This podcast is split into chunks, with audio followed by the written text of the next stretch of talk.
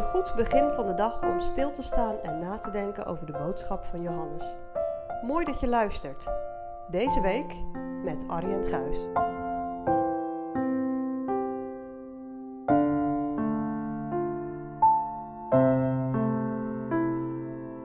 In de eerste 18 versen geeft Johannes een samenvatting van het evangelie.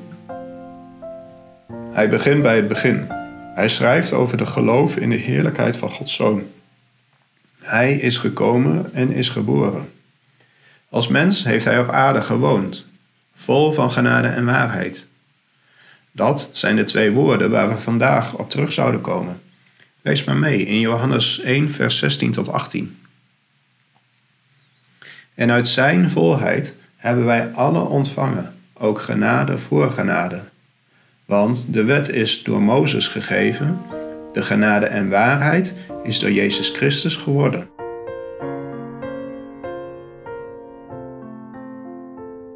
Niemand heeft ooit God gezien. De enige geboren zoon die in de schoot des vaders is, die heeft hem ons verklaard. Het zijn hele volzinnen die Johannes schrijft. Door allebei zinnen en verklaringen raak je misschien de raad een beetje kwijt.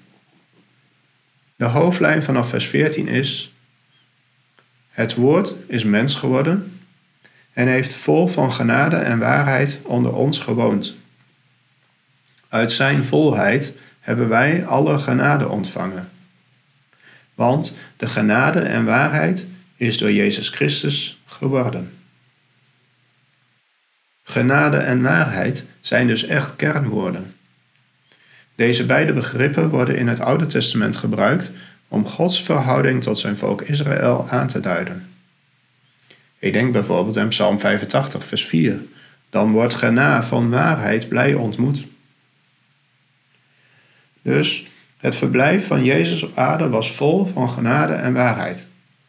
Vanuit deze volheid deelt hij genade en waarheid uit aan gelovigen. Die volheid wordt dan niet minder.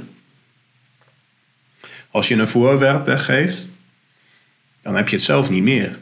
Maar als je iemand liefde geeft, dan wordt jouw liefde niet minder. Zo deelt Jezus Christus genade en waarheid uit. En hij blijft volkomen genadig en waar. Johannes zegt: Wij hebben genade voor genade ontvangen, de ene na de andere. Of eigenlijk, de ene in plaats van de andere. Want in het Grieks staat er genade tegen genade. Dus genade van de belofte in het Oude Testament maakt plaats voor genade van vervulling in het Nieuwe Testament. Je vraagt je misschien af, als deze woorden zo belangrijk zijn, wat betekenen ze dan?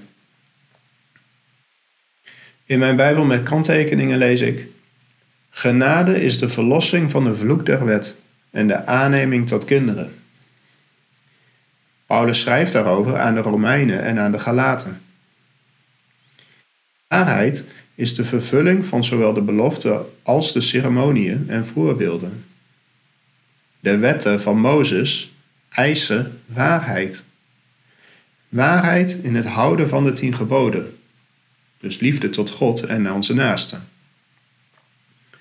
Waarheid in het houden van de ceremoniële wetten. Die ceremoniële wetten van tabernakel en tempeldienst heeft Jezus vervuld. In de ceremoniële wetten lezen we over allerlei offers die gebracht moesten worden. Al die offers wezen de Israëlieten op de komende Messias. Alleen door de beloofde Messias was genade en waarheid mogelijk. De genade van de belofte in het Oude Testament was groot. Maar de genade van vervulling in het Nieuwe Testament is nog veel groter. Voor de zonneval hadden Adam en Eva volmaakte kennis van het goede. De duivel verleidde om ook het kwade te leren kennen.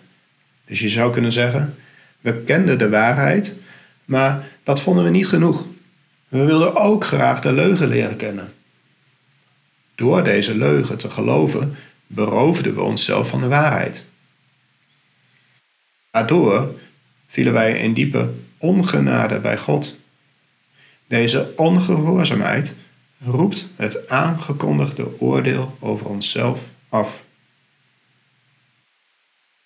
Genade heeft een aspect van gratie verlenen in zich.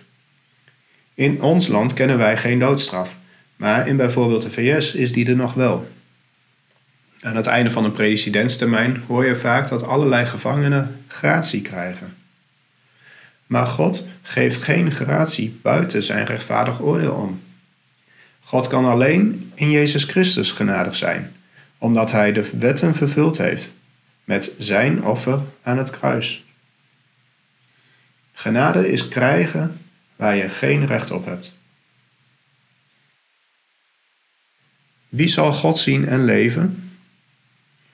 Alleen Jezus als zoon van God heeft hem gezien.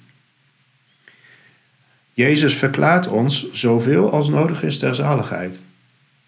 Daarom hoor je in de preek over ellendekennis, voor er een smeekgebed om verlossing kan komen.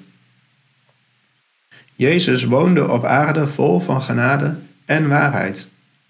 Waarheid laat geen ruimte voor zonde en ongerechtigheid. Kom maar voor de dag met al je ellende en zonde. Leg het maar in gebed voor Jezus neer. Het is een genadig verlangen naar genade en waarheid. Verlang jij al naar Gods genade, om te mogen delen in de volheid van genade en waarheid?